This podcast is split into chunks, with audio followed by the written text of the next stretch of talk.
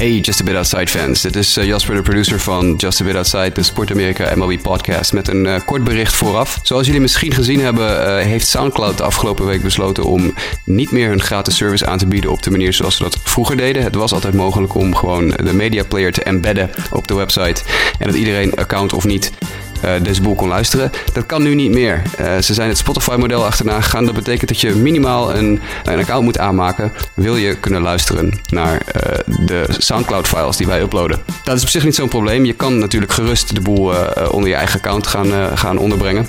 Een gratis account uh, komt reclame bij. Dat is niet onze reclame. Wij halen er geen winst uit. Dat is Soundcloud die daar iets voor gekozen hebben. Um, maar denk eraan, je hebt dus vanaf nu een Soundcloud-account nodig. Wil je kunnen luisteren? Wij doen ons best om een nieuwe optie te vinden, een andere optie te vinden, een andere manier om jullie uh, naar de podcast te kunnen laten luisteren. Maar we laten jullie het weten zodra we daar meer nieuws over hebben. Dan nu snel naar de show.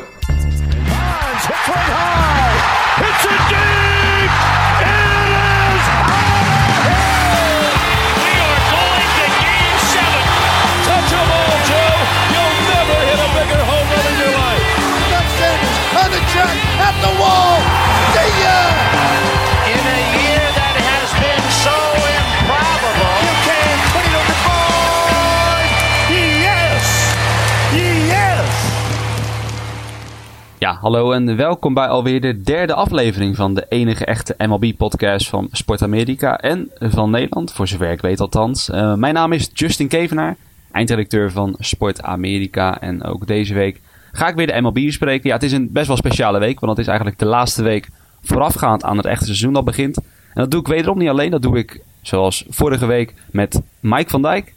Hoi Justin. Lionel Stuten. Hi Justin. En tot slot Jasper Roos. Hey Justin. Nou goed, mocht je uh, een van de vorige afleveringen gemist hebben, kan je dat uiteraard terugluisteren op Soundcloud. Maar ja, we gaan nu direct verder met uh, het belangrijkste nieuws van afgelopen week. MLB News and Notes. Ja, en dan beginnen we bij mijn geliefde uh, New York Mets. Zo is het nieuws minder positief. Uh, George Familia, ja, dat, het was al langer wel duidelijk dat er waarschijnlijk een soort van schorsing zou volgen. Het gevolg is eigenlijk 15 duels voor uh, ja, het vermeend mishandelen van zijn vrouw. Is niet bewezen. Toch 15 duels schorsing, waardoor uh, Addison Reed nu de voorlopige closer wordt. ja, Mike van Dijk, um, echt reden tot paniek bij de Mets of overleven ze dit wel? Ik denk op zich dat ze deze 15 dagen wel, wel goed door gaan komen. Het is natuurlijk, zoals je zelf aangeeft, een schorsing van 15 wedstrijden. Voor Familia zelf betekent dat 7 ton aan salaris die hij misloopt. Uh, en uh, ik denk zelf met Reed, daar hebben ze wel een proven closer die ook voor de Diamondbacks wel geclosed heeft. En voor de White Sox. Daar was hij op een gegeven moment wel shaky bij de Diamondbacks als closer. Maar hij heeft de ervaring. Dat geeft manager Terry Collins ook aan. En na die 15 dagen verwacht ik gewoon dat Familia zijn, zijn closerrol oppakt. En, ja, en het stokje als het ware overneemt. En verder gaat waar hij waar gebleven is. Dus ik, ik verwacht geen, geen schokkende dingen voor de Mets op dat gebied. Ja, nou ja, duidelijk. Wat ik alleen wel opvallend vind is, uh, nou weet ik zelf niet, als we verder teruggaan, hoe ver het een trend is. Maar het is natuurlijk wel afgelopen twee jaar hebben we natuurlijk Jose Reyes gezien. Die uh, ja, voor iets soort gelijks kreeg. Die, die kreeg wel 60 duels geloof ik. Dat was een stuk langer. Uh, Rolls Chapman natuurlijk ook even geschorst. Ja, het is natuurlijk wel treurig dat dit soort dingen de laatste tijd in ieder geval vaker voor lijken te komen. Ja, dat klopt. Inderdaad, zoals je aangeeft, uh, Reyes kreeg uh, geloof ik 52 wedstrijden en Chapman uh, 30. wat Manfred ook aan heeft gegeven in dit onderzoek is dat er is geen bewijs voor echt geweld geweest. Maar ze vinden wel dat hij buitensporig gedrag heeft vertoond. En ik denk ook dat MLB daarom gewoon heeft besloten om hem wel een straf te geven. Familia heeft onder andere nu geld en tijd besteed aan organisaties die zich inspannen tegen geweld. Dus daarmee zie je ook wel aan, dat, uh, aan MLB dat ze dit soort dingen hoog opnemen en, uh, en steeds verder ja, gewoon eigenlijk liever niet meer hebben. Ik bedoel, dat kan ik me alleen maar voorstellen. We willen geen uh, uiterlijk geweld bij MLB-spelers. Dus je ziet ook in andere leagues, NFL heeft er dingen tegen gedaan. ze proberen dit gewoon terug te dringen en gewoon zoveel mogelijk uit de sport te bannen. Dus dat valt alleen maar te prijzen, vind ik, van de Major League, dat ze zich daar zo voor inspannen. Nou ja, dat zeker. Ik bedoel, als je het vergelijkt met bijvoorbeeld de NFL van het American Football. Ja, die heeft nog altijd nodige kritiek uh, te verduren gekregen. Hoe zij vooral in het verleden daarmee omgingen. Dan kreeg, kwam je er met één wedstrijdje schorsing vanaf, zeg maar. Ondanks dat er gewoon uh, kaart bewijs was. Dus nou ja, in dat opzicht, de MLB. Nou ja, goed, laten we sowieso hopen dat dit soort nieuws achterwege blijft. En laten we maar meteen naar iets ja, positieve nieuws gaan. Tenminste, positieve nieuws. Als je fan bent van de St. Louis Cardinals, denk ik. Um, Hadier Melina iedereen kent hem wel, de ervaren catcher. Is nog niet definitief, maar ze zijn aan het werken voor een deal die hem voor drie jaar nog bij St. Louis zou houden. ja, Lionel, goede deal voor de St. Louis als ze Molina behouden? Ik denk het wel. Ik denk wel dat hij een, een, een hoeksteen voor, deze, voor dit team is. En dat het alleen maar goed is als zij hem nog langer kunnen houden. Het gaat dan om een deal voor nog eens drie jaar. Dus dan zou hij, hij is nu 34, wordt 35, gaat na dit seizoen in. Dus zou dan tot zijn 38ste kunnen blijven bij het team. En ik denk dat dat voor, voor de Cardinals in ieder geval een hele belangrijke ontwikkeling zou zijn. Ja, en als je kijkt naar, zijn, uh, naar de, de waarde van dat contract. Uh, het zou dan een driejarige, driejarige verlenging zijn tussen de 55 en 65 miljoen dollar.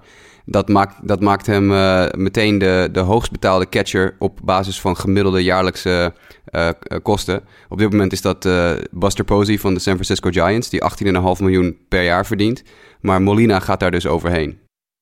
Maar dat was ook voor hem een voorwaarde. Het, gerucht gaat, het, ik heb het niet uit zijn mond, maar het gerucht gaat dat het voor hem erom ging dat hij vond dat er te veel catchers van mindere kwaliteit meer verdienden dan hij. En dat hij daarom nog niet getekend had eerder. Ja, en de Cardinals betalen hier natuurlijk ja, wel een beetje voor de, voor de skills van Molina. Want het is natuurlijk nog steeds een, eh, gewoon een van de betere catchers in de Verenigde Staten. Maar je betaalt natuurlijk vooral ook voor hè, de, de, legacy van een speler. Buster Olney van ESPN tweette dat ook van de week. Uh, het is een beetje vergelijkbaar in zoverre met de deal van uh, de laatste deal van uh, Derek Jeter in New York. Je betaalt niet meer voor een speler die op zijn top is. Want Molina is ook al inderdaad wat je aangeeft, een paar jaar ouder. presteert nog steeds erg goed, maar is geen echte topper meer. Maar je betaalt natuurlijk nu gewoon vooral voor de legacy en niet zozeer voor de, de marktprijs van de speler. Nee, absoluut, absoluut.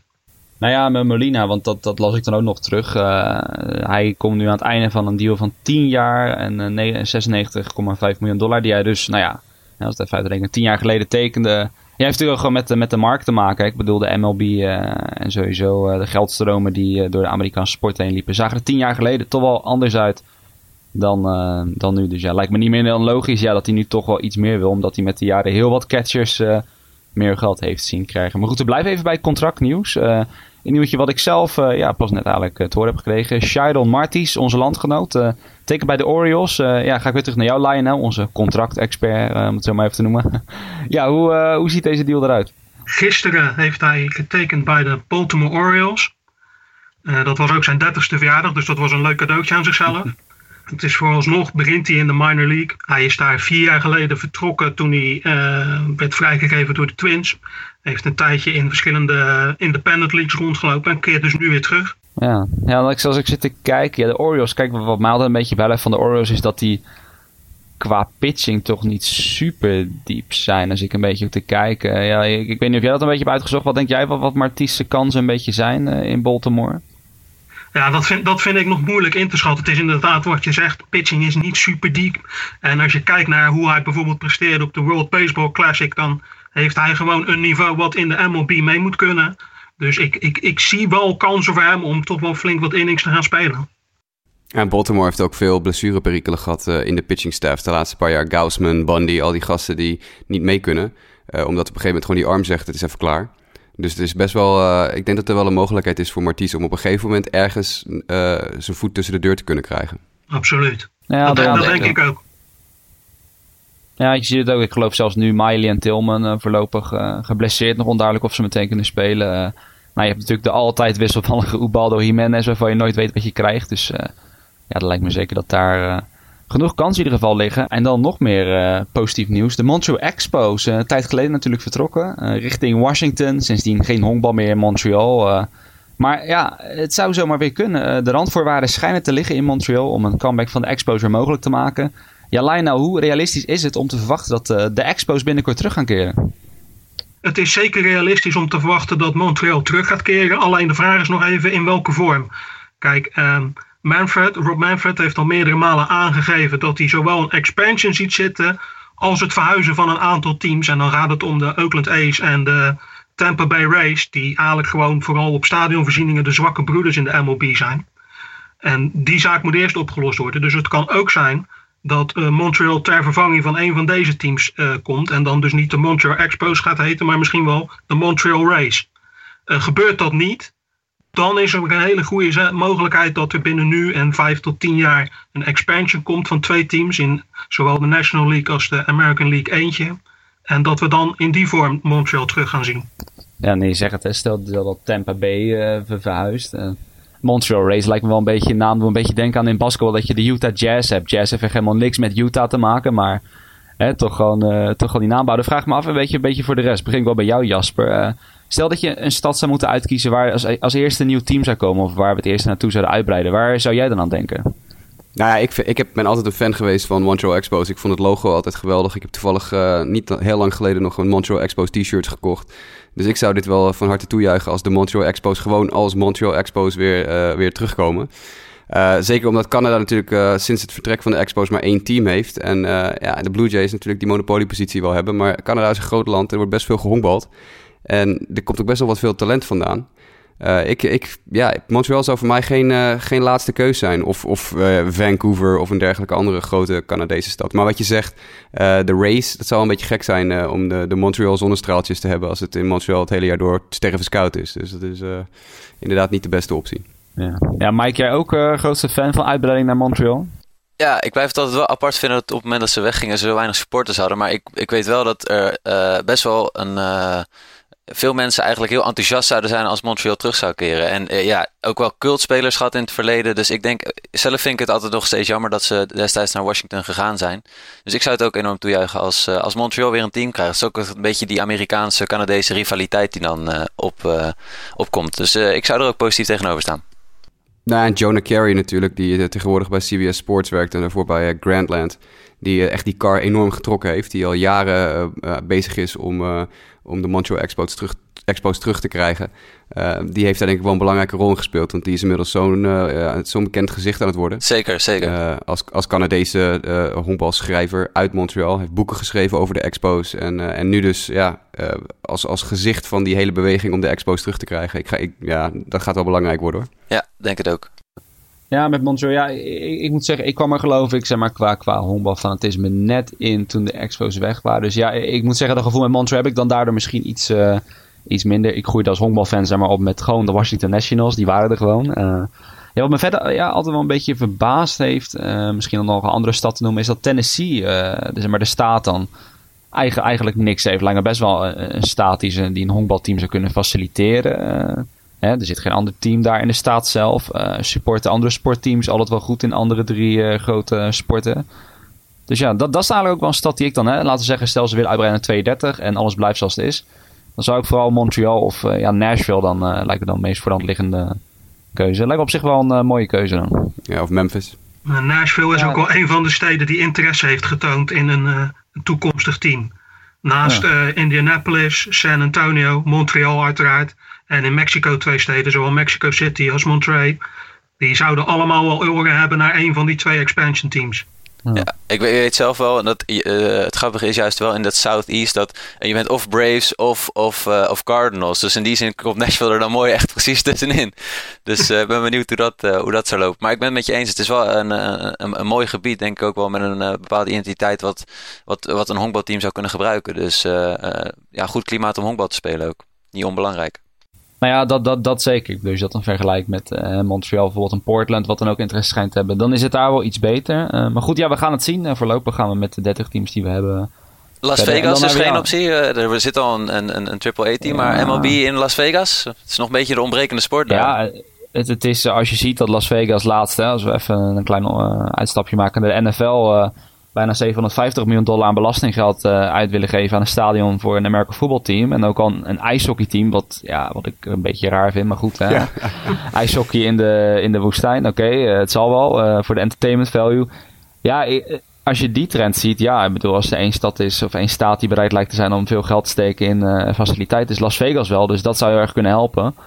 Maar ja, of, of het qua sfeer en fanbase de beste keuze zijn. Dat, nou ja, je moet ook, ook, kijken naar de markt die daar zelf is. Hè. Wat, wat is de staat Nevada? Het is acht keer zo groot als Nederland en er wonen 850.000 mensen. Dus je moet het puur van toeristen hebben als je daarheen komt. Ja. Nou ja, dat is inderdaad een belangrijk punt wat je maakt. Ja, echt een, een, ja, een fanbase die daar echt gewoon vast zit, genesteld. Kans daarop lijkt, uh, lijkt er klein. Maar goed, wat ik, zoals ik zei, we gaan het zien. Voorlopig nog 30 teams. En uh, we gaan kijken waar we eventueel in de toekomst naartoe kunnen gaan. Uh, ja, dan voor mij was in ieder geval een beetje breaking news. Ondanks het feit dat ik een Mariners fan ben. Want ik zie hier staan Drew Smiley, 6 tot 8 weken oud. En dan ja, begin ik er wel een beetje in paniek te raken, Jasper. hoe zit dat precies? Ja, het blijkt dat Drew Smiley een flexor strain in zijn linkerarm heeft. Hij is een linkshandige werper, dus hij heeft een, een blessure aan zijn gooiarm.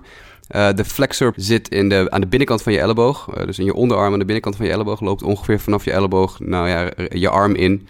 Uh, en de naam zegt al flexor. hij zorgt ervoor dat je je vingers een beetje kan flexen. oftewel buigen en strekken. Um, en hij heeft daar een, een, ja, een klein blessuretje aan opgelopen. Het is niet helemaal duidelijk op dit moment of het een verrekkingje is of een heel klein scheurtje. In allebei de gevallen ben je er ongeveer even lang uit. Hij is nog een tweede en een derde opinion aan het zoeken bij andere sportartsen. Maar ja, dit betekent inderdaad wel dat hij uh, de komende zes tot acht weken eruit ligt. En als je kijkt naar de Mariners rotation, ja, die hebben toch echt wel uh, noodzaak aan Drew Smiley. Want uh, ja, Ariel Miranda komt nu in de Seattle rotation. En dat is toch niet, die is niet zo goed als, als Smiley. En ja, met Felix Hernandez en Hisashi Iwakuma en James Paxton heb je natuurlijk best wel een aardige 1-2-3 als ze fit blijven en, en goed spelen. Um, en hebben ze nog Giovanni Gallardo erbij uh, sinds afgelopen offseason die ze erbij gehaald hebben. Maar uh, ja, Smiley was toch echt wel een, uh, ja, een, een key piece in die, in die rotation. En zeker nu Wade Miley inderdaad van de Mariners naar de Orioles is gestuurd afgelopen seizoen. Daar hebben ze trouwens Ariel Miranda voor teruggekregen. Uh, is, is de Mariners zijn niet heel erg diep in, in dat soort uh, pitching. En lefties zijn sowieso al. Goede lefties zijn moeilijk te krijgen. Dus dit is echt een stevige klap voor, uh, voor de Seattle Mariners in hun, in hun jacht op een, een divisietitel in de AL West. Nou ja, dat, dat zonder meer. Dus ja, in dat opzicht betreurt het me wel een beetje. Maar goed, ja, 6, tot 8 weken. Laten we hopen dat ze dan nog in de race voor de playoffs zijn. Dat de comeback van Smiley de divisietitel veilig kan stellen. Um, nou ja, we hadden het vorige week ook al een beetje toen noemde Mike het geloof ik het RTL Boulevard-achtige nieuws bijna. Uh, laten we daar nu maar een beetje, een beetje naartoe gaan. allereerst, ja, dat, we hadden het van de week denk ik allemaal wel gezien. Ondanks dat we het misschien niet wilden zien. Tim Tebow in duel tegen Max Scherzer. Um, ja, ik als Mets-fan, het, het blijft me verbazen. Aan de andere kant is het ook weer typisch Mets. Dat ze Tim Tebow er maar uh, in laat in het camp. Terwijl die gewoon tegen big leaguers staat. En daar nog at-bats tegen krijgt. Um, ik kan even teruggaan naar jou, Jasper. Um, vind je het, ja, ik vind het een beetje een soort, als een soort belediging bijna overkomen. Dat je Team T maar elke keer daar weer uh, at-bats geeft. En bijna als een soort minachting richting die andere major leaguers die daar staan. En gewoon uh, keihard vechten. Sommigen voor een roster spot. Uh, sommigen gewoon omdat het supersterren zijn. Ja, hoe kijk jij daarnaar? Ja, het is lachwekkend. Het is echt lachwekkend. Als je ziet hoe Thibaut, inderdaad wat je aangeeft, Thibaut tegen Scherzer. En Scherzer, het was gewoon pats, pats, pats zitten. Het was echt. Uh, er zijn stils op internet waar je kan zien hoe ontzettend veel te laat Tim Tebow is met zijn swing. Hij kon er gewoon niet bij. Scherzer die gewoon even 6, 7, 98 mijl per uur fastballs op hem afloopt te knallen in die, in die, uh, in die warme omgeving in de league daar. Uh, het, het, is, het is lachwekkend. Het is gewoon. Hier moet de stekker uit. De, Tebow is te oud. Tebow heeft geen talent. Het is gewoon klaar. Ja.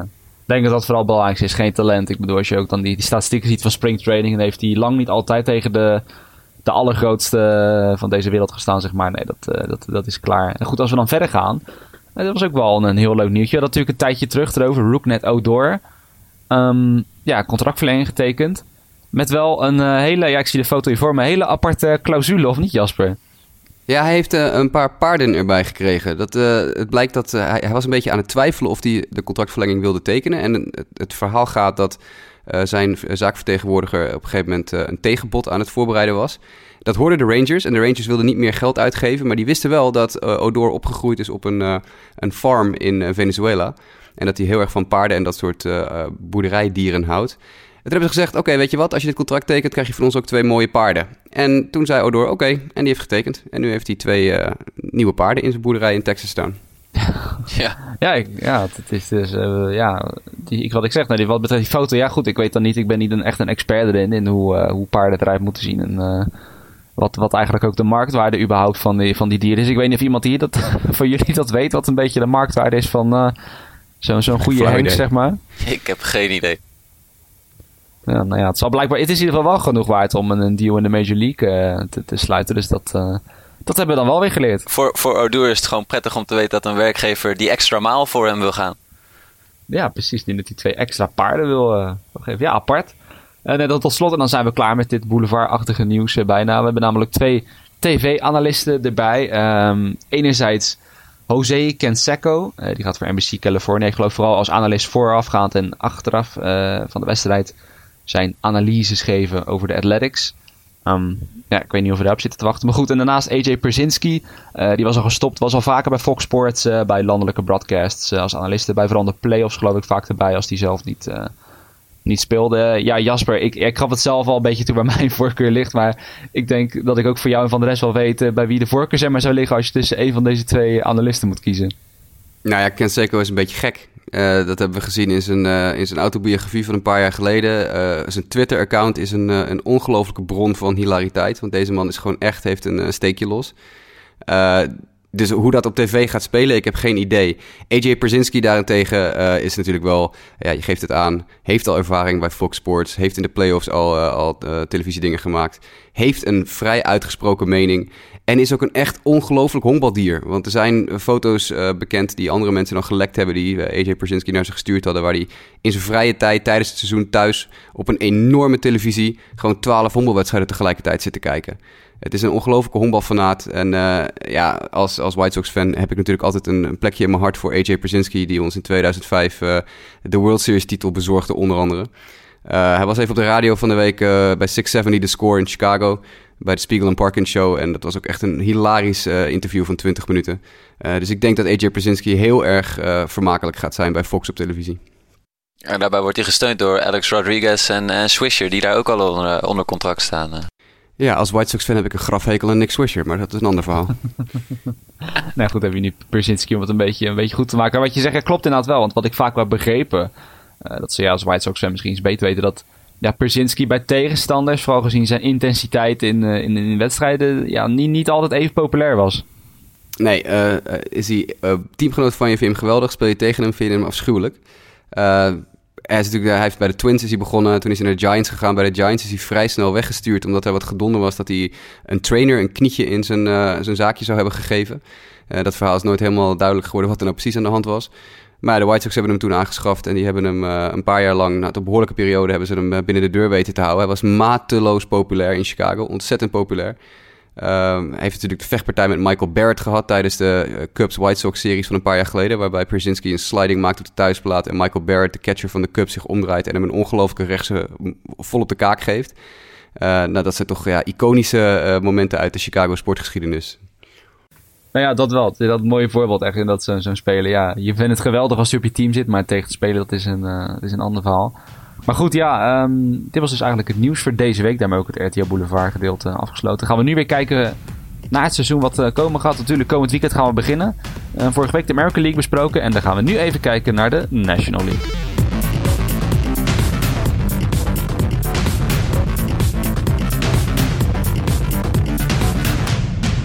Yes, en dan beginnen we in de National League bij de NL West. Uh, divisie die de afgelopen jaren natuurlijk vooral gedomineerd wordt door de Dodgers en de Giants. Vraag is natuurlijk, kan een van de andere drie daartussen komen? En ja, dan moeten we natuurlijk, Mike, bij jou beginnen. Hè, als, uh, denk wel, hè, de, de voorzitter van de Nederlandse Diamondbacks fanclub.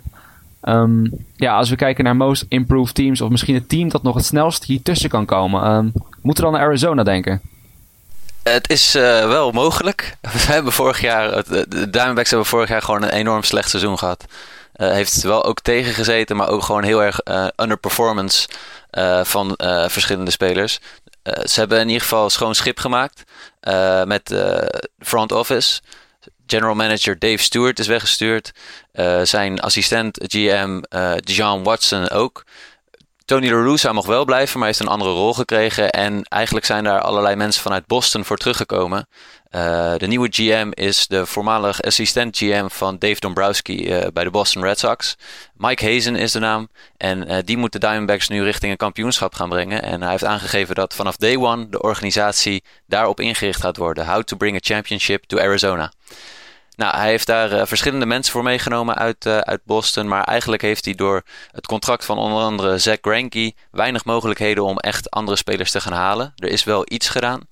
Uh, maar vooral moest hij kijken naar trades. En zodoende is bijvoorbeeld uh, Tijuan Walker binnengehaald en Gene Segura weggestuurd.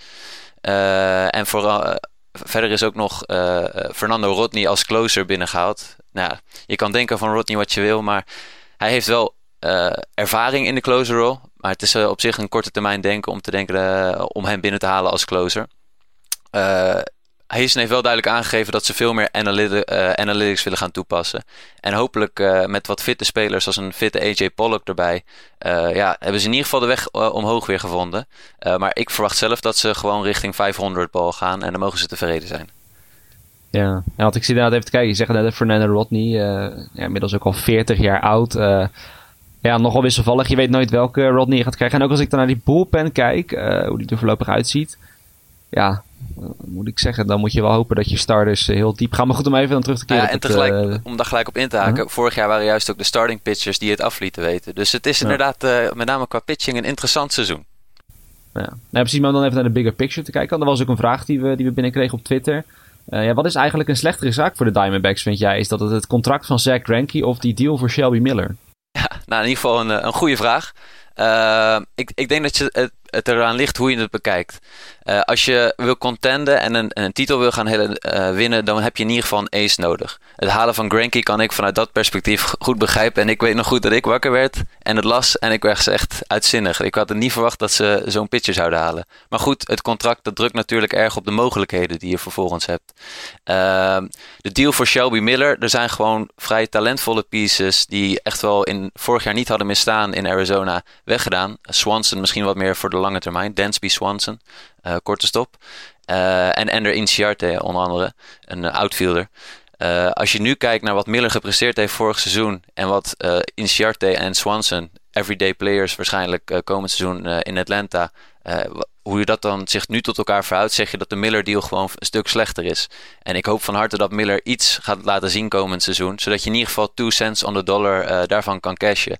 Granke heeft in die zin wel voor zich spreken dat hij vorig seizoen wel minder was dan die seizoenen daarvoor. Uh, maar nog steeds wel, je ziet wel dat hij nog steeds de kwaliteit heeft. En als hij gewoon uh, komend seizoen weer een, een, een, goed seizoen draait, dan kan je daar nog wel redelijk wat waarde voor terugkijken. Dus in mijn ogen is de Shelby Miller deal wel een slechtere zaak uh, voor Arizona. Nou, het probleem dat Arizona gewoon heeft in deze divisie nu, is dat er gewoon drie teams gewoon aantoonbaar beter zijn. We hebben aantoonbaar diepere pitching staffs, aantoonbaar diepere bullpens.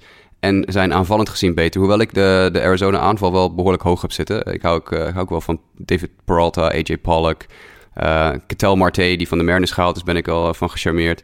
En er komen wat jongens uit de minor leagues als Domingo Leba, Dawa Lugo. Je hebt natuurlijk Paul Goldschmidt op de eerste honk.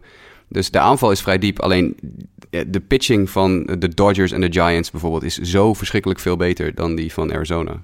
Ja, ja zeker. Ja. Ja, nee, de, zonder meer.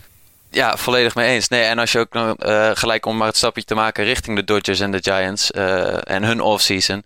Uh, die zijn gewoon allebei redelijk intact gebleven. In ieder geval de, de Dodgers. Die hebben Kenley Jansen ver, verlengd. Justin Turner is gebleven. Hebben Logan Forsythe als tweede honkman erbij gehaald.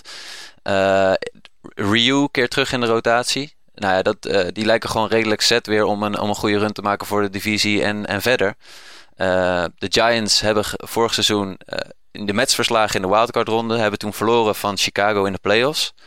Uh, maar de bullpen was wel duidelijk dat daar toch wel een, een, een redelijk pijnpunt aan het ontstaan was. Vorig jaar hebben ze 30 saves niet weten te verzilveren.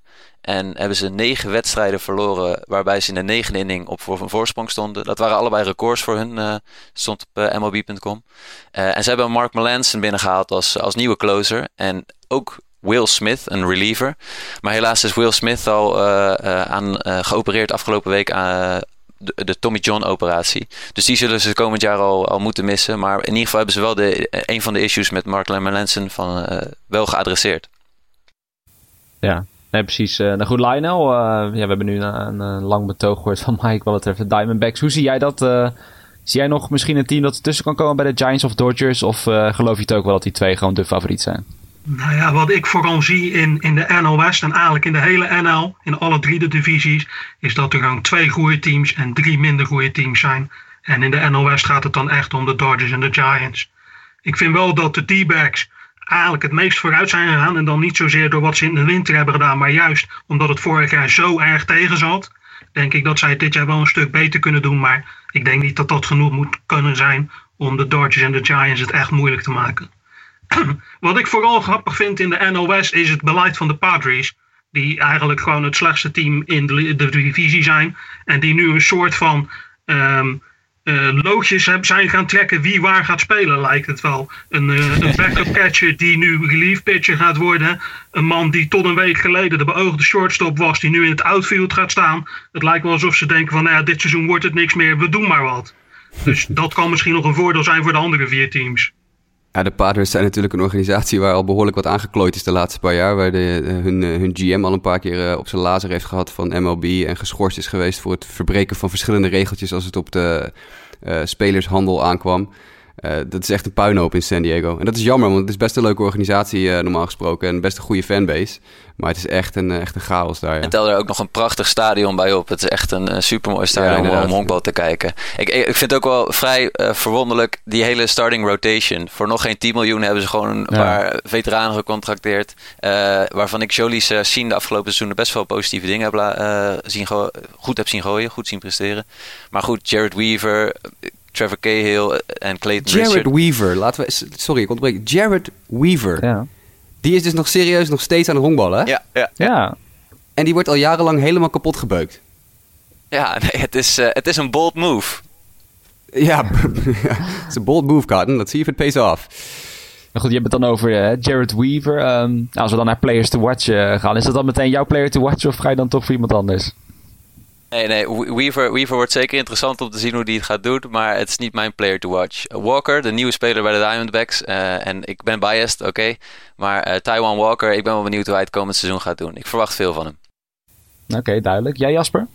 Ja, ik, ik ga naar een, eh, een team wat we nog eigenlijk helemaal niet besproken hebben in deze divisie. Wat eh, eigenlijk heel jammer is. De Colorado Rockies, want die hebben we ook nog in de NL Eh, en in de Colorado Rockies, bij de Colorado Rockies heb je een catcher, die heet Tom Murphy. Hij is op dit moment wel een klein beetje geblesseerd geraakt in springtraining. Maar ik ben al jarenlang een groot fan van Tom Murphy. eh, top prospect van de Colorado Rockies. Dit jaar is hij voor het eerst eigenlijk eh, een vaste waarde als catcher bij de Colorado Rockies. Tom Murphy, dat gaat wel eens een keer eh, heel interessant worden. Ik denk dat hij top 5 gaat eindigen in de NL Rookie of the Year voting. Oké, nou, duidelijk. Eh, Lionel, jij? Ik ga dit jaar vooral letten op Joe Panic. En ik zal je vertellen waarom. In 2015 en 2016 heeft hij gewoon grote delen van het seizoen gemist. En ik wil nu wel eens zien wat hij kan als hij een heel jaar heel blijft. Ja, nou goed, ik ga dan ook maar terug om de Rockies dan toch nog een beetje wat extra liefde te geven in deze, deze preview. Je, zei het inderdaad, het is misschien wel een beetje het team wat je dan vergeet. eh, hè, want de Padres zijn heel slecht. Giants en Dodgers staan bovenaan. eh, Diamondbacks met Granky vallen ook wel op. Ja, Rockies vallen misschien niet zo op, maar hebben hele goede offense. En ik ben vooral benieuwd naar, naar Trevor Story. Hij was eigenlijk toch het verhaal wat vooral vorig jaar, ik geloof de eerste week was het meteen, hè, heel erg eh, de, de headlines domineerde. Een jongen die uit het niets ineens eh, de ballen aan alle kanten het stadion uitsloeg. Dat gebeurde in, eh, in Phoenix, Arizona, kan ik mij nog goed herinneren. Nog steeds trauma's, ja, trauma's. Nee, maar ja, dat was toen een jongen. En toen eh, had hij ja, het tweede deel van het seizoen eh, eigenlijk een beetje ja, in de vergetelheid geraakt, zeg maar. Als je kijkt naar de big picture eh, en de, headlines en dergelijke. Ja, ik las laatst ze hopen echt dat hij eh, de erfenis van Troy Tulowitzki eh, kan gaan invullen. Ik ben benieuwd, nou, als hij dan een heel jaar fit blijft, eh, ja, in hoeverre hij dat waar kan gaan maken in de offense. Ja, die verder ja, toch wel het nodige talent heeft. eh, met Cargo, Arenado, et cetera. Ja, als, als story zich daarin kan mengen ja, het is alleen maar goed, eh, goede, goede zaak voor de Rockies, denk ik. Dus ik ben heel erg benieuwd naar ja, in hoeverre Trevor Story dat, dat kan gaan doen. Ehm, Echt Nou, een ze leuk hebben de team. Rockies best... eh, ja, ik, was, ik, ik wou precies hetzelfde zeggen, Mike. Het is een heel geinig team. Een, eh, een mix van jonge, hele talentvolle gasten als... eh nee, je noemde net al Trevor Story. Nolan Arenado is nog niet zo heel oud. Maar ook David Dahl, die outfielder Ja. die er nu bij komt. Jordan Patterson en Raimel Tapia. Dat zijn allemaal ook... eh, eh, ja, toch talentvolle aanvallende spelers. Dan zit er ook nog een... in, in de pitching staff eh, heb je natuurlijk een... eh, eh, een John Gray en een Jeff Hoffman. Ook jonge jongens die best wel eens door kunnen gaan breken. En dat mixen ze dan met, met veteranen als eh, nou, Greg Holland, de nieuwe closer die ze eh, aangetrokken hebben. Eh, Ian Desmond die binnengehaald is eh, vanaf eh, van de Texas Rangers. Dus het is een hele leuke mix. Charlie Blackman natuurlijk ook nog bij. Dus een heel, een heel geinig team gaat dat misschien wel zijn om te, om te kijken. nou ja, En met een nieuwe manager eh, ben ik benieuwd welke, hoe dat ook gaat lopen. Hele goede manager ook trouwens, Bud Black. Echt een hele, heel goede ja, die is manager. inderdaad weer terug. Ja, dat zou, zou je bijna vergeten. Good old uh, Bud Black. Maar goed, predictions dan nog even snel. Ehm, Mike, je allereerst. Wat denk jij? Ja, ik hoop natuurlijk van harte dat uh, tegen de verwachtingen de Diamondbacks gaan winnen. Maar voor mijn realisme ga ik, uh, en, en een beetje mijn geloofwaardigheid ga ik voor de San Francisco Giants op 1. De Dodgers op 2. Wel de Diamondbacks op 3. Uh, Colorado Rockies op 4. En San Diego op 5. Oké, okay, duidelijk. Jij, Jasper? ik ga voor de Dodgers 1. Giants 2. Rockies 3, D-backs 4, Padres 5. Nou, Lionel, jij tot slot. Ik, ik gok de Padres als laatste, maar de rest? dat klopt. Uh, laten we zeggen dat de Dodgers deze divisie gaan winnen. De Giants op 2, heel close. Uh, de D-backs op 3, de Rockies op 4. Nou ja, en zoals gezegd, dus de Padres onderaan. Ja, nee, ik ook Padres onderaan. Laten we dan maar daarmee beginnen. Uh, ja, verder ja, Dodgers, Giants, die rotations zijn te sterk ten opzichte van de rest, denk ik. Dodgers worden dan eerste. Giants tweede en dan de Rockies net derde voor de Diamondbacks op vier. Die dan denk ik wel allebei rond de 500 gaan zitten, maar uh, ja, voor de playoffs is het net uh, iets te hoog gegrepen. Maar goed, van de NL West gaan we naar de NL Central. Ja, de divisie die vorig jaar de winnaar eh, van de MLB bracht, de Chicago Cubs. En ja, Lionel, je zei het net al, eigenlijk de tendens in de hele National League is van er zijn in elke divisie twee hele goede teams. Die echt een kans maken op prijzen. En de rest is moi. Zie, je ziet dat hier dus ook. En dan neem ik aan dat je de Cubs en de Cardinals bedoelt. Absoluut. Ik denk dat de Cubs en de Cardinals hier te sterk zijn voor de rest. Het is zelfs zo dat ik denk dat de Cubs misschien wel gewoon opnieuw het sterkste team in de hele MLB zijn. En wat ook meespeelt hier is dat ze ook het, zwakste team in de hele MLB in deze divisie hebben. En dat is uh, helaas voor mij Cincinnati Reds. Dus um, dat maakt het voor de Cubs en de Cards iets makkelijker om de divisie ook te domineren. Ja, precies. Is er dan wel nog een team wat je ziet wat zich dan wel uh, ja, het meest versterkt heeft misschien ten opzichte van de Cubs en de Cardinals? Van die andere drie? Waar ik, waar ik in deze divisie heel erg naar uitkijk, ondanks mijn, uh, mijn, mijn voorkeur voor de Reds, is toch uh, Pittsburgh Pirates. En dat komt voornamelijk omdat zij echt, denk ik wel, misschien wel het beste outfield van de hele MLB hebben. Waarin ze ook nog iemand achter de hand hebben in de vorm van Austin Meadows, die al jaren als uh, de next Mike Trout door het leven gaat. Die of het team gaat halen, waardoor dus een van de drie outfielders die er nu staan, uh, McCutcheon, um, Polanco en Marte, misschien wel gewoon het team moet gaan verlaten om deze jongen een kans te geven. En uh, ze hebben ook nog iemand als Josh Bell, waar ik heel veel verwachtingen van heb. Dus daarom denk ik dat de Pirates misschien wel het leukste team zijn om te kijken in deze divisie. Ondanks dat zij niet echt om de, om de bovenste twee plekken mee kunnen gaan strijden. Ja, ja Jasper, kijk je daar hetzelfde naar?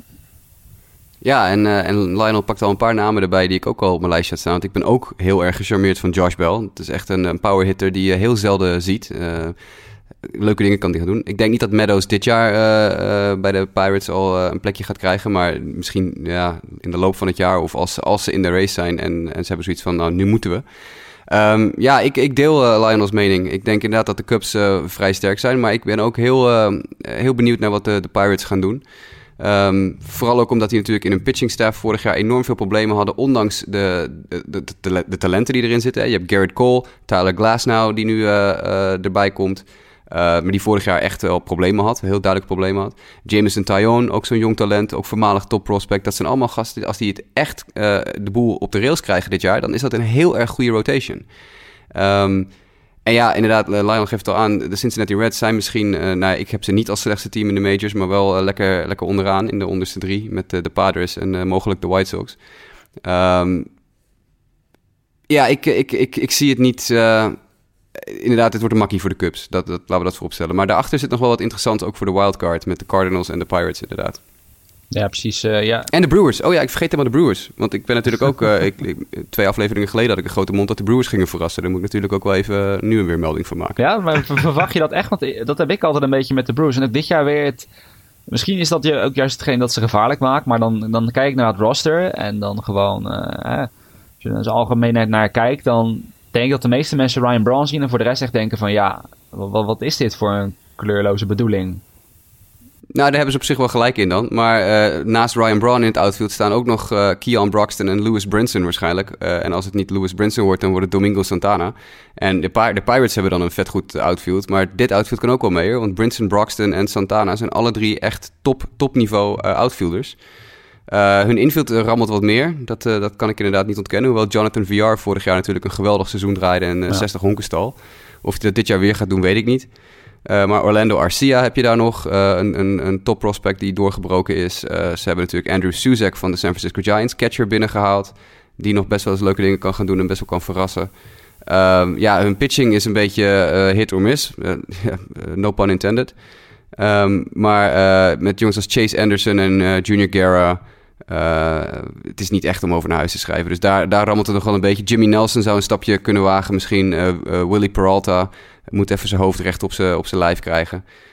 Um, Josh Hader is wel een talent, echt een talent. Ik vergeleek hem in de, de 30 in 30 van de Milwaukee Brewers al met Chris Sale. dat is overigens niet mijn vergelijking, maar dat is een vergelijking die in het verleden wel eens getrokken is tussen Hader en Sale. -hmm.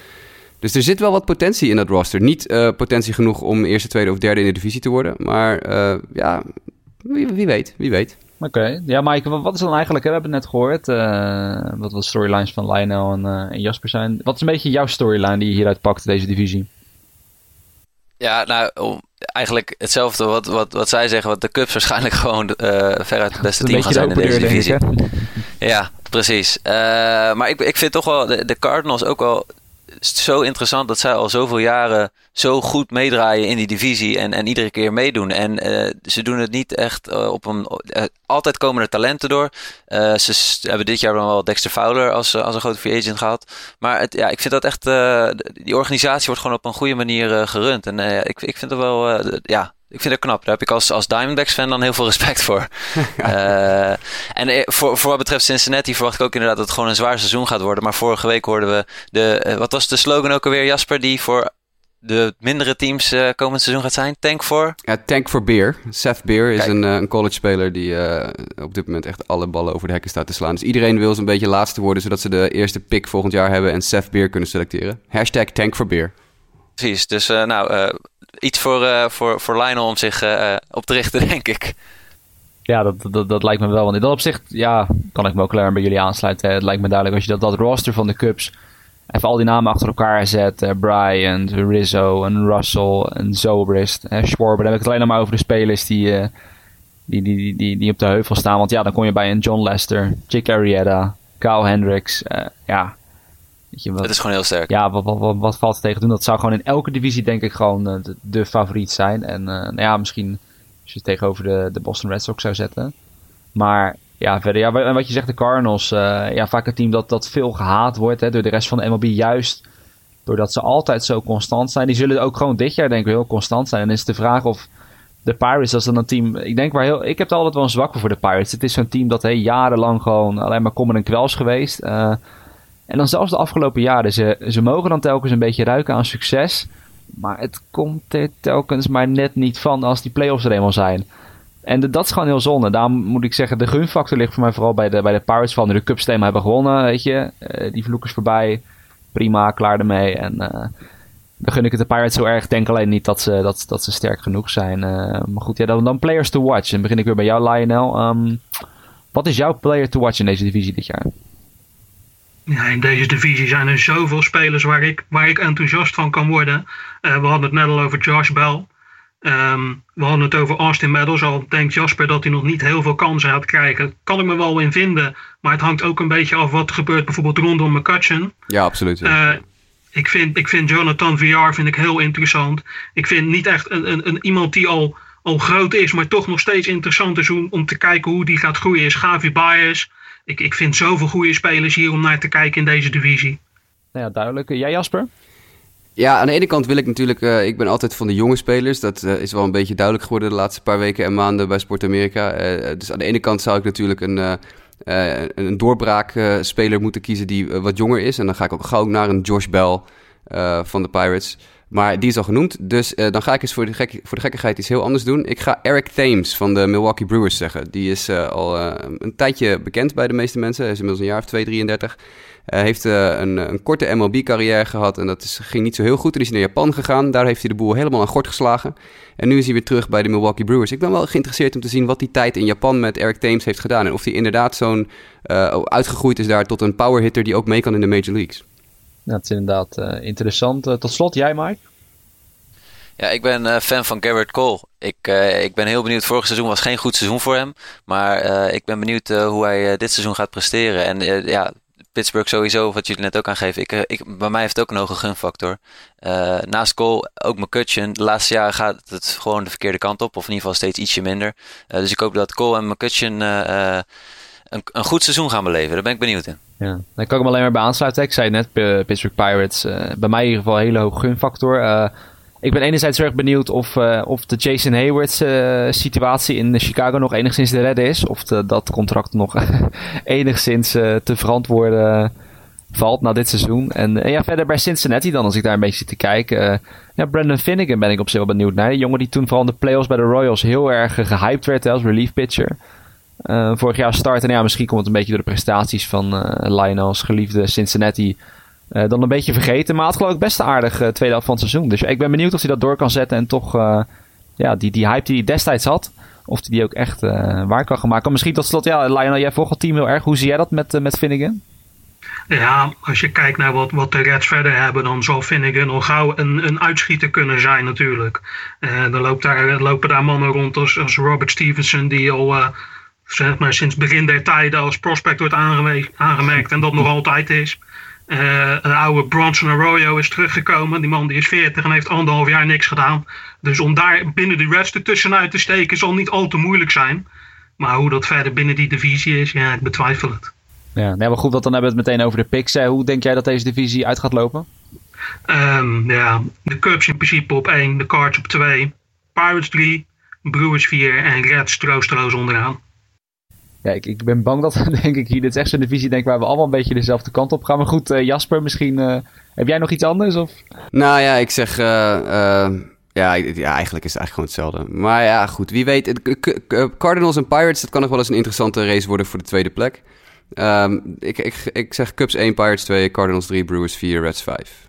Ja, ik ga voor ook voor Cubs 1. Uh, en laat ik dan hopen dat de Pittsburgh Pirates net uh, boven de Cardinals eindigen. Uh, en Milwaukee 4 en Cincinnati 5. Ja, nou, dan, sluit ik me meer, ik moet zeggen, meer uit hoop bij die laatste twee aan. Al, al denk ik dat Line uiteindelijk uh, met Cubs 1, Cardinals 2 uh, gelijk gaat krijgen. Maar ik hoop dan inderdaad ook dat die Pirates net de tweede plek pakken. En laten we dan hopen dat ze in de playoffs eindelijk een keer er zullen staan. En dan toch een keer wat verder zullen komen. Goed, dan gaan we dus verder. Dat is een divisie ja, waar, waar ik zelf altijd heel erg op let. De NL East mijn geliefde New York Mets in zitten. Um, ja, nou ja, om daar de, de storyline meteen maar uit te pakken. Het is een beetje hetzelfde als wat, wat Lionel net zei. Hè? Het, het zijn heel veel divisies met twee uitschieters. En de rest, um, ja, kan je je vraagtekens bij zetten. Dat, dat is ook hier. Ik bedoel, de overduidelijke favoriet uh, lijkt mij Washington. Ik bedoel, daar zal iedereen met me over eens zijn. Dat is een team dat vorig jaar de divisie won. Twee jaar geleden eigenlijk ook al had moeten winnen. Maar toen, uh, ja, uh, ik weet niet dat team had gewoon een, een, breakdown van je welste. En de Mets die liep volgens met de divisie er vandoor. En ja, de rest van de teams, voor Phillies en Braves, die kijken vooral naar de toekomst. Uh, de Marlins, het is altijd een beetje een, raadsel wat die aan het doen zijn. Dus ja, dat is vooral wat ik eruit aan. Daarbij hoop ik ja, dan vooral dat bij de Mets natuurlijk vooral die rotation de, de, de doorslag gaat geven. En ze dan toch misschien een kans kan geven om te gaan stunten. Ondanks dat Steven Mets ja, geblesseerd seizoen ingaat, hoop ik dat ze daarmee kunnen verrassen. Um, ja, Jasper, uh, zeg ik nu gekke dingen als ik het over deze divisie heb? Of, uh... Nee, nee, helemaal niet. Ik, uh, ik, ik deel de meeste meningen die jij weergeeft ook. Ik denk ook dat de Washington Nationals waarschijnlijk het sterkste team gaan zijn. De Mets hebben een buitengewoon sterke rotation. Dat is echt, als die allemaal natuurlijk fit blijven. Het is een beetje de vraag hoe Matt Harvey terugkomt. hoe Jacob de Grom terugkomt. Ze zien er goed uit tot nu toe in springtraining. Of ze hebben tijdens springtraining er de laatste paar weken prima dingen laten zien. Um, ik vind de Atlanta Braves, vind ik, ja ik mag er niet al te denigrerend over doen, maar als je een, eh, een rotation hebt met uh, Bartolo Colon en R.A. Dickey als 1 en 2, die samen ongeveer 100 zijn. Met uh, legendes. Ja, echt. ik geloof dat er stond van de week op Twitter dat R.A. Dickey nu in alle drie de laatste Atlanta Braves stadions gegooid heeft. Die heeft zowel in County Stadium als in Turner Field als in het nieuwe stadion SunTrust Park nu gegooid. Nou ja, als je drie stadions versleten hebt, dan, dan ben je wat oud. Aan de andere kant had uh, John Coppolella, de GM van uh, de Braves van de week, een fair punt. Die zei, vorig seizoen begonnen de Braves met een rotation van Julio Teran, Bud Norris, Matt Whistler, Juli Chassin en Williams Perez. dit jaar is het Julio Teran, Bartolo Colon, Jaime Garcia, Ari Dickey en Mike Fultonevich. Dat is wel een beduidend betere bovenste vijf dan vorig jaar. Maar nog steeds, ja, Bartolo Colon en Ari Dickey die horen onderhand bij de gepensioneerden in dit, in dit gezelschap. Um, maar desondanks, uh, ja, de Miami Marlins, ik, ik zie ze nog wel verrassen. Ik zie ze nog wel leuke dingen doen. Die hebben een, uh, misschien wel een van de beste bullpens in de NL. Uh, met AJ Ramos, David Phelps, Junichi Tazawa. dat zijn toch echt, dat is pats, pats, pats, klaar. einde verhaal. rotation iets minder sterk. Ehm, leuke spelers in de offense. Eh, ik ben heel erg van, gecharmeerd van JT Real Muto, de catcher. Uh, maar ook Marcel Ozuna, Giancarlo Stanton, Christian Yelich. Dat zijn toch wel ja, het zijn leuke spelers. Kan nog wel een keer een leuk team worden. Die Gordon, niet vergeten natuurlijk. Dus dat wie ja. weet. Maar ja, ik denk dat de Nationals en Mets er met kop en schouders bovenuit steken. Ja. Ja, nou ja, maar dat, dat is inderdaad wat ik met Miami heb. Ik bedoel, ik, zie ze, ik schat ze nog wel hoger in dan de Phillies en de Braves. Maar ja, ik heb dan een beetje dat het een beetje ertussenin valt. Een beetje waar, wat met de Pirates dreigt, dreigt in die andere divisie. Um, maar ik weet niet of jij datzelfde ziet. Denk jij dat Miami daar misschien nog tussen kan komen? Of?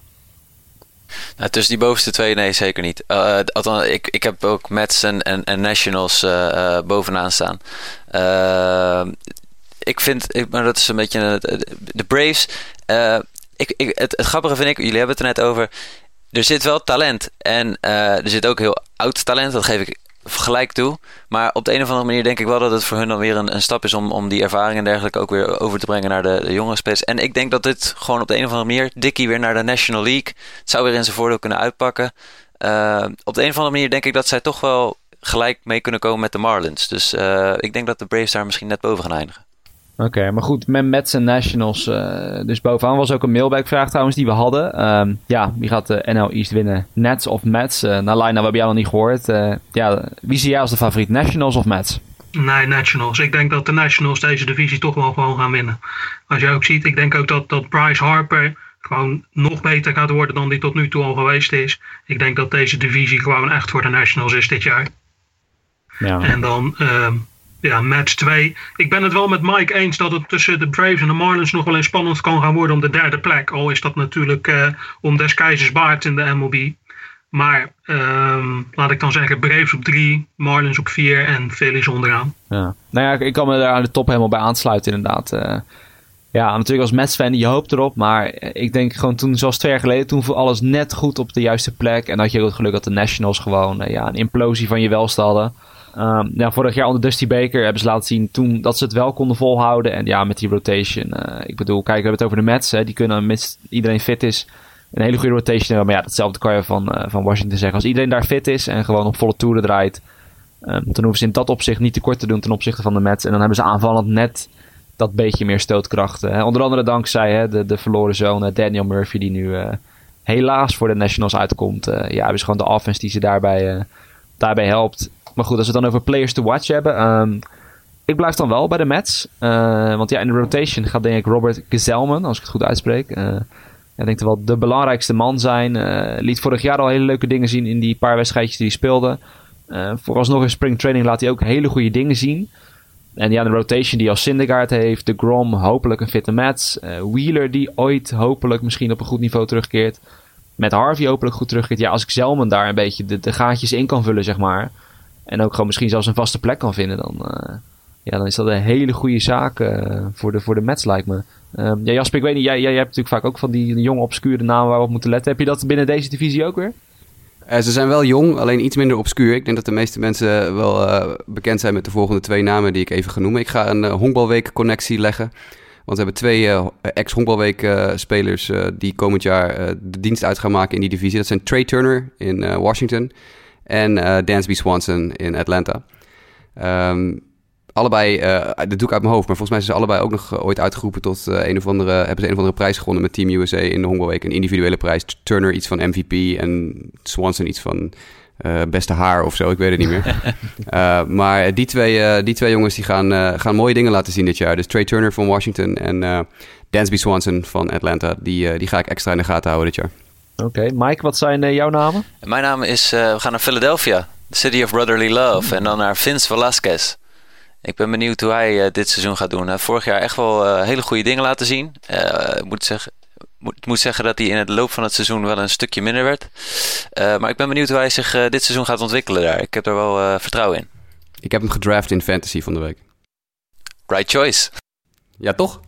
Ja, zeker. Ja, nee, dat, uh, ja, vooral begin van het seizoen vorig jaar, toen was hij echt uh, wel de, de, de, bright spot daar in de, in de rotation. Uh, ja, Lionel, waar ga jij heen voor jouw player to watch? Ik vind het in deze divisie heel moeilijk. we hebben al wat namen gehoord waar ik ook wel interesse in heb.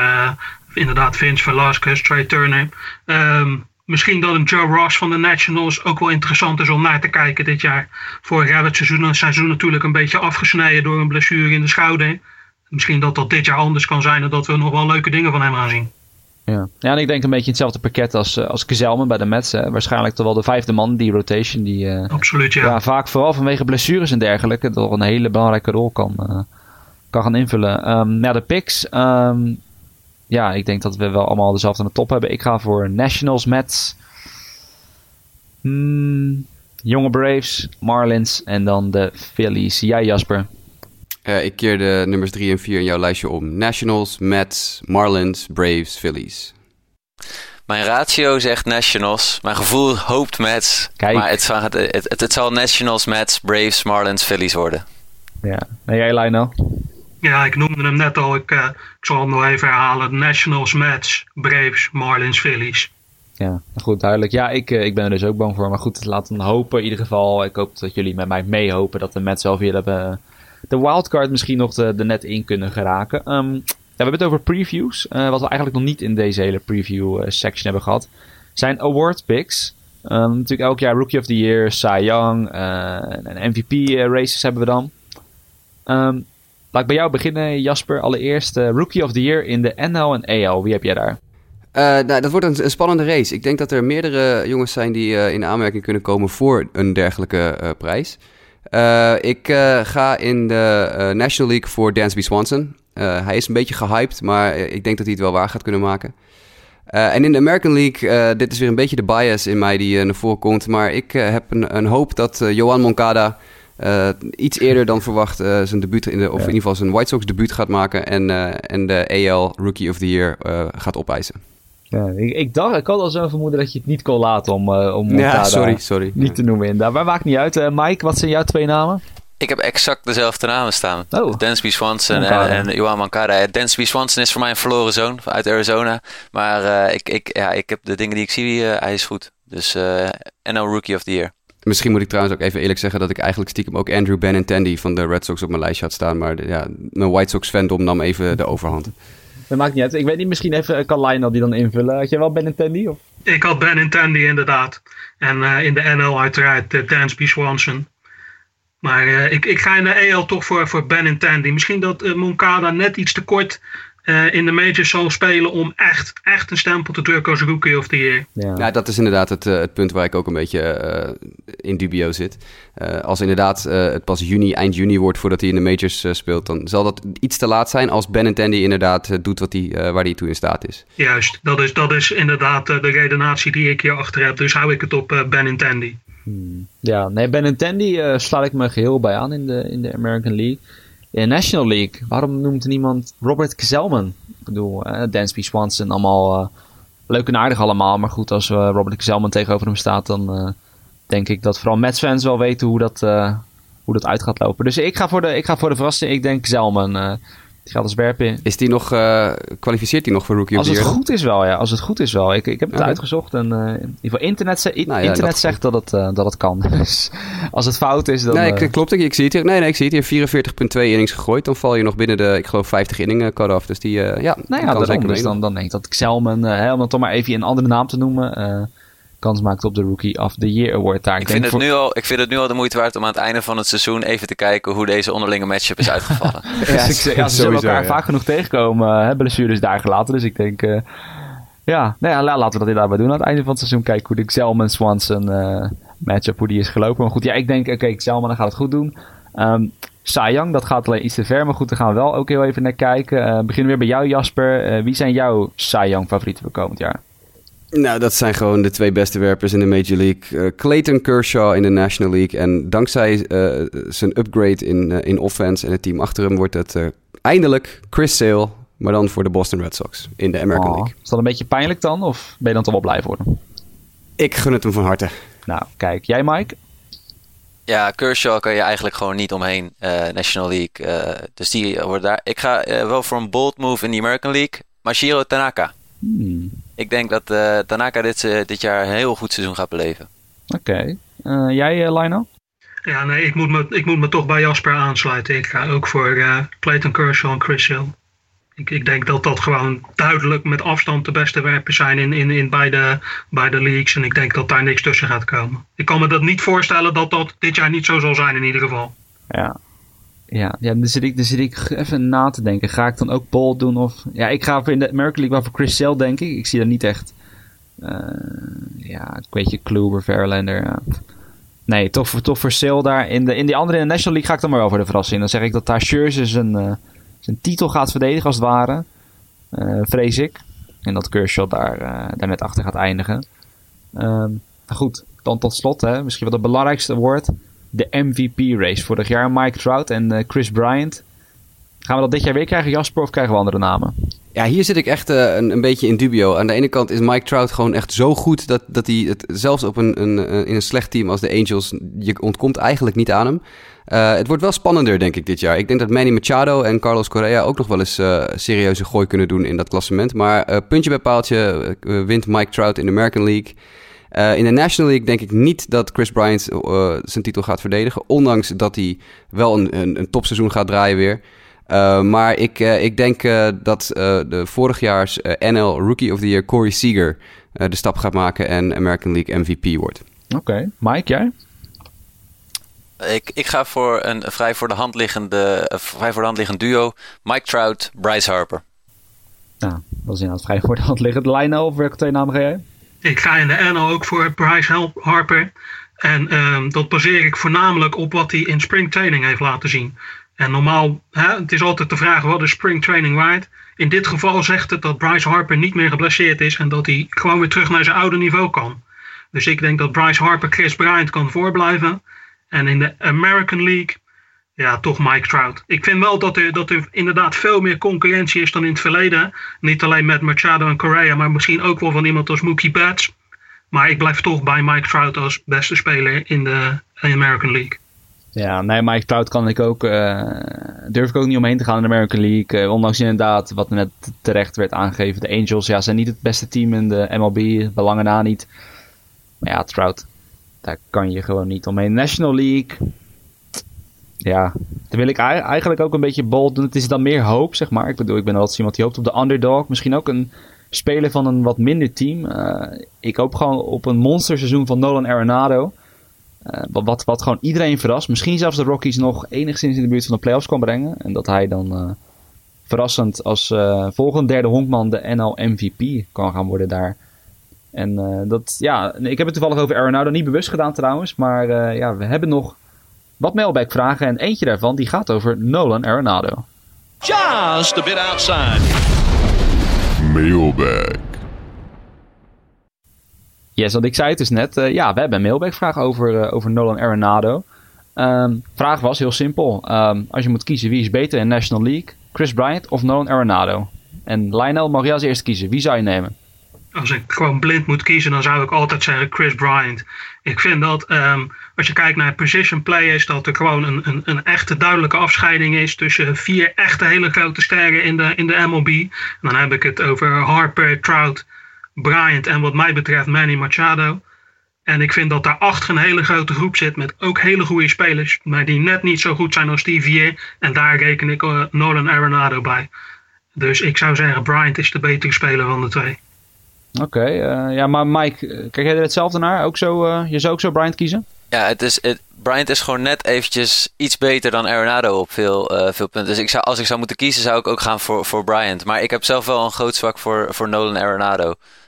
Jongen laat echt zoveel zien op het derde honk en ook offensief. Het is wel interessant om te weten dat Bryant de afgelopen seizoen ook wel 0,4 punten hoger wins above replacement had. maar goed, als je, ja, Chris Bryant. Sorry, correctie. Nolan Arenado had een 6,6 war en Chris Bryant 7,7. Hmm. Nou, misschien dat Jasper dan nu wel een andere mening heeft, toch niet? Je zou toch meteen Bryant kiezen? Nou ja, ik, ik heb echt heel erg met deze vraag uh, geworsteld. Uh, hij kwam van Thomas Meerwaard via Twitter, dus ik heb hem al een tijdje uh, gezien. Een paar dagen geleden kwam hij binnen. En dankjewel Thomas, je hebt me heel wat slapeloze nachten bezorgd. Want ik kon eigenlijk niet kiezen. Ik ben natuurlijk uh, een klein beetje anti-Cubs, moet ik zijn. Dat is, zit in mijn fandom ingebakken. Dan ben ik wel heel erg groot fan van Chris Bryant. Maar ik ben al jaren echt enorm fan van Arenado. Wie is beter? Chris Bryant. Wie vind ik leuker om naar te kijken? Nolan Arenado. Zo. nou, dat... Ja. ja, maar ik denk dat dat wel voor iedereen geldt. Het is, het is niet zozeer dat Chris Bryant de meest attractieve speler van de twee is. Maar het gaat meer om, als je kijkt puur naar prestaties, kijk hoe Chris Bryant in de MLB is gekomen. Hij werd uh, in 2015 in, in, in spring training ingezet. Uh, zette heel de spring training in vuur en vlam. Werd weer naar de kant gehaald vanwege zijn, zijn service time. Op de dag dat dat voorbij was, werd hij gelijk ingezet. En kijk hoe de Cubs toen zijn gaan draaien in de afgelopen anderhalf seizoen. Dus dat, voor mij zegt dat toch heel veel over wat deze man kan. En ik denk dat als je, als je er op die manier naar kijkt, dat Chris Bryant gewoon de betere speler van de twee is. Spelen de stadionfactoren nog een rol? Uh, ja, bij Colorado altijd eigenlijk wel. Zou je bijna standaard moeten zeggen. Maar ik moet zeggen, door dat vurige betoog van, van Lionel. Ik had eigenlijk hetzelfde. Voor Arnoud heb je misschien iets, iets, iets meer een zwak of zo. Misschien ook een beetje dat underdog verhaal speelt voor een iets minder team. Uh, maar ik, moet zeggen, na dat betoog van Lionel, uh, net ben ik wel helemaal om. Ik, ja, Chris Bryant. Zou ik meteen kiezen. Ik heb de splits, uh, de splits van Nolan Arenado er even bij gepakt. Omdat natuurlijk inderdaad het stadion ja. van de Colorado Rockies nogal een uh, significante factor kan spelen in aanvallende capaciteiten. Uh, het verschil tussen thuis en uit bij Arenado, er is een verschil tussen, maar het is minder dan, dan ik had gedacht. Hij sloeg afgelopen seizoen 3-12 met 25 home runs thuis. En hij sloeg uit 2,77 met 16 home runs. Dus er zit een verschil in, maar het is niet zo groot als ik, als ik in eerste instantie had gedacht. Nee, oké.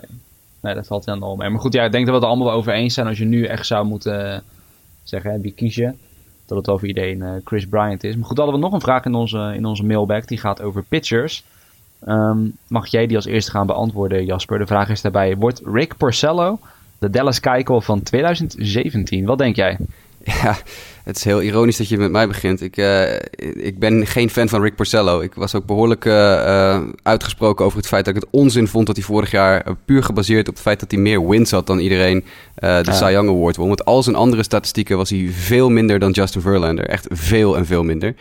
Uh, dus ja, ik hoop van harte dat Rick Porcello de Dallas Keuchel van 2017 wordt. Want dat betekent dat iedereen weer zich realiseert dat Rick Porcello helemaal niet zo'n goede pitcher is. En al eigenlijk al sinds zijn draft, hij is, werd natuurlijk heel jong gedraft door de Tigers en uh, heeft ook een enorme bonus geëist. En die hebben de Tigers aan hem gegeven. Hij heeft altijd een beetje capsones gehad. En hij is nooit echt super goed geweest. En dan wint hij na een heel, nou ja, middelmatig seizoen. Want ja, hij had de meeste wins, maar hij speelde wel ook voor even een van de beste aanvallende teams in de majors. Ja, dan zijn de wins nou eenmaal makkelijk te krijgen. Dus je moet bij Cy Young Award nooit kijken naar de wins. Je moet kijken naar de peripheral stats, naar de, uh, de achterliggende statistiekjes. En daarin was hij gewoon beduidend middelmatig. En bijvoorbeeld Justin Verlander was veel beter. Dus ja, ik hoop van harte dat Rick Porcello uh, keihard op zijn bek gaat dit jaar. En dat iedereen zich realiseert dat hij eigenlijk helemaal niet zo goed is. Ja, en misschien dat het ook wel eerder opvalt. Ik bedoel, hij zit natuurlijk nu in eenzelfde rotation met... Uh met Chris Sale, dan heb je natuurlijk meteen een goede vergelijking. Want als, ja, als je dus op deze award afgaat, um, zou Rick Porcello, hè, anno 2017, de beste werper zijn die de Red Sox hebben. Nou, ik denk dat bijna niemand uh, Rick Porcello over Chris Sale zou kiezen. Dus ik denk vooral komend jaar dat dat wel een uh, leuk vergelijkingsmateriaal wordt. Ja, ik weet niet, een van de andere twee heren. Um, ja, je, Mike, jij allereerst. Denk jij dat Rick Porcello de Dallas uh, wordt van 2017? Ik zit er exact hetzelfde in als, uh, als, als Jasper. Ik ben ook geen Porcello-fan. Al zie ik wel, ik heb, zit even de stats er ook even bij te pakken. Hij heeft vorig seizoen best wel een stap vooruit gezet in, op een aantal vlakken. Veel meer strikeouts, veel minder walks. Uh, en dus is ook echt wel beter gaan werpen. Maar ik ben gewoon geen fan van hem. Uh, dus ik zou het prima vinden als hij de Keigel wordt van vorig, vorig seizoen. Al ben ik wel fan van Dallas Keigel. Maar dat is een ander verhaal. Nou hoop ik niet dat Lionel uh, voorzitter is van de Rick Porcello fanclub. Uh. nee, nee, zeker niet. Alleen wil ik het wel een klein beetje anders inkleuren. Kijk, als we kijken naar die Cy Young Award, die heeft hij niet aan zichzelf gegeven. Kijk, als je gewoon kijkt naar zijn prestaties en als hij dan dit jaar niet die, die Young Award zou winnen, dan zou dat alleen maar logisch zijn. Want eigenlijk had hij hem afgelopen jaar ook al niet moeten krijgen. Maar als jij zegt van is hij de, de Dallas Keuchel van 2017. Dan denk ik van ja, bij Keuchel zag je toch wel echt een beetje een, een drop in prestaties van het ene jaar ten opzichte van het andere jaar. Maar Porcello's uh, prestaties waren misschien al helemaal niet zo goed om deze award te krijgen. Ja, dat is een fair punt. Ja. ja.